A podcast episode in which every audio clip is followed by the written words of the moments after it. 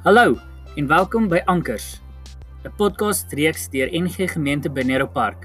Hier voer ons gesprekke oor Jesus, die Bybel, genade, geloof en hoe ons lewens God eer.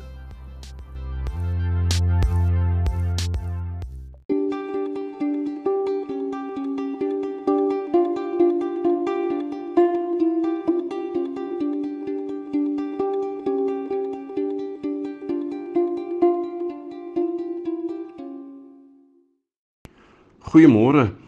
Op hierdie Dinsdag net so dag of wat voordat hulle sê die groot koue kom, staan ons stil by 2 Korintiërs hoofstuk 4. Ek wil net so 'n bietjie teruggaan om te sê dat of dat ons osself net weer herinner wat Paulus se groot dryf in sy lewe was. Die groot dryf in sy lewe het bestaan uit twee goeters uit. Die een ding was natuurlik die kruisiging en die opstanding van Jesus Christus. Onthou jy ons het 'n paar weke gelede gesê dat as ons vergeet hoe God ons liefhet, dan vat Paulus sy lesers net weer na die kruis toe en sê kom ek wil net gou vir jou iets wys. Dis hoe lief God ons het. So dis die een ding wat hy sê ons word absoluut oorweldig deur God se liefde en dit dat dat dit vir ons so so so belangrike ding is om te kan onthou.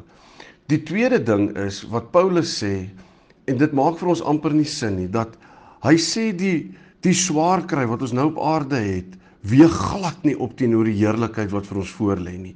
En dis die tweede ding wat wat wat vir Paulus gedryf het, is sy uitsien na die ewige lewe om saam by Jesus te wees. Hy sê dan al hierdie goeders wat ek nou deurgaan, hierdie lyding en die swaar kry en dat ek al met klippe gegooi is en geslaan is en so aan maak vir my niks nie, want ek sien so daarna uit om by Jesus te wees. Ek moet eerlikwaar sê Partykeer dink ek nie ek is heeltemal daar nie, want daar's soveel goed wat ek nog wil doen in die leeftyd hier op aarde. Daar's soveel goed wat ek nog na uitsien om saam met Anneke oud te word en ons kinders te kan sien dat hulle trou en gelukkig is en so aan. En ek moet sê, dis nogal 'n ding wat my sê, "Wow, ek is nog nie heeltemal ek sien uit daarna om te gaan." Maar ek is nog nie asof ek wil sê, "Ja, ek sien so baie daarna uit dat ek hierdie lewe wil agterlaat nie." En Paulus het dit ook gesê wat hy sê maar daar's nog soveel dinge om te doen. 'n Belangrike ding wat ons in Paulus se uh, 4de hoofstuk van 2 Korintiërs lees is dat hy sê hierdie nuwe bediening wat ek het van die nuwe verbond um is nie sonder swaar kry nie. Dis so 'n belangrike ding en hy sê dit sommer heel daar in die begin by vers 1 wat hy sê daarom dan terwyl ons deur God se onverdiende goedheid hierdie bediening ontvang het, gooi ons nooit handdoek in nie. En dan verwys hy na die swaar kry wat hulle ook deurgaan. En hy sê hierdie bediening is vir hom so spesiaal want God het dit vir hom gegee ten gegee ten spyte van wie hy was. En nou moet ons onthou Paulus is 'n ou wat 'n vervolger van die kerk was. Hy het Christene laat doodmaak. Hulle is in sy teenwoordigheid gestenig. En dan sê Paulus maar dis vir my belangrik.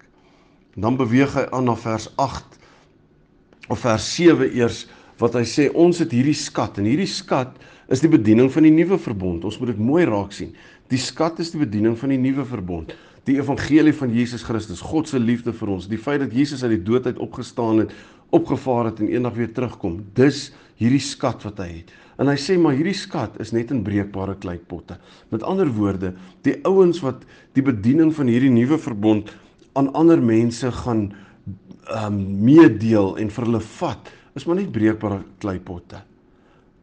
Mense wat breekbaar is, wat foute het en so aan. En ek dink dit is een ding wat ons moet onthou as ons met mekaar praat oor die bediening van die evangelie. Moet ons ook maar net onthou al is Christus in ons deur sy Heilige Gees en so aan, is ons maar net breekbare kleipotte. Ons maak foute. Maar dan gaan hy aan in vers 8 en dit is vir my so mooi. Hy sê op elke manier word ons onder druk geplaas, maar ons is nie verpletter nie. Ons is verward, maar ons is nie wanhoopig nie. Verder dan sê hy ons word vervolg, maar nie in die steek gelaat nie, platgeslaan, maar nie vernietig nie. Ek wil 'n groot sprong maak van hierdie teks af na vandag 26 Mei 2020. En ek weet dis baie geforseerd. Maar ek wil 'n ding hê wat ons ons moet ons moet saamvat. Vers 8 sê op elke manier word ons onder druk geplaas, maar ons is nie verpletter nie. Ons is verward, maar nie wanhoopig nie. Dis presies waar ons nou is. Nie in terme van ons geloof as sulks nie, maar in terme van ons omstandighede, die goed wat op die oomblik met ons gebeur, dat ons weet nie waar die toekoms inhou nie. Mense word vasgevang in depressie en alleenheid en 'n klomp goed wat daarmee saamgaan. So ons word onder druk geplaas deurdat ons nie met mekaar kan kontak hê nie, dat ons mekaar nie 'n drukkie kan gee en vir mekaar kan kuier nie. So ons word deur dit onder druk geplaas. Maar ons gaan nie toelaat dat ons dit ons verpletter nie. Daarom is dit belangrik dat ons vir mekaar moet kontak en hoor hoe dit met die ander ene gaan en al daai goed wat ons nog altyd gedoen het. En dan skryf Paulus hier, ons is verward, maar ons is nie wanhoopig nie. En ons voel op die oomblik nogal redelik verward, want ons weet nie wat vorentoe gaan gebeur nie. Ons weet nie wanneer ons weer vol kan begin werk nie en wanneer ons weer kan kerk toe gaan en al daai soort van goeders, maar ons is nie wanhoopig nie. Hoekom nie? Ek wil dit terugvat na die kruis. Want God is vir ons lief. Hy het opgestaan uit die dood, uit die dood oorwin. So kom ons gebruik vandag net 'n paar oomblikke om nie noodwendig te fokus op vandag nie. Ek weet vandag is verskriklik belangrik want dis die dag wat ons het. Maar dat ons ook sal dink aan ons lewe hierna om te sê dit wat ons nou verduur weeg nie op na die lewe hierna vir elkeen van ons wanneer ons by Jesus Christus is nie. Kom ons dank hom daarvoor. Hemelse Vader, dis vir ons wonderlik om hierdie stuk bemoediging vir oggend te kan kry. Paulus wat soveel vervolging deurgegaan het en dit moeilik gehad het en ook nie geweet van môre nie wat hy sê, maar ek het die verantwoordelikheid om om hierdie boodskap van die nuwe verbond met mense te deel. En dan besef hy, soos wat ons in vers 7 lees, sy eie breekbaarheid, sy hy's broos. Ehm um, hy maak ook foute.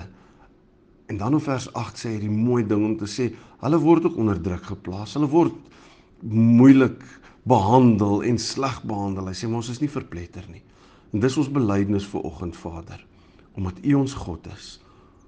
Ons word onder druk geplaas, maar ons is nie verpletter nie. Ons is verward. Maar ons is nie wanhoopig nie, want ons hoop is Jesus Christus en die ewige lewe. Dis ons belydenis vandag. Amen. Lekker dag verder vir almal. Ons gesels môre weer.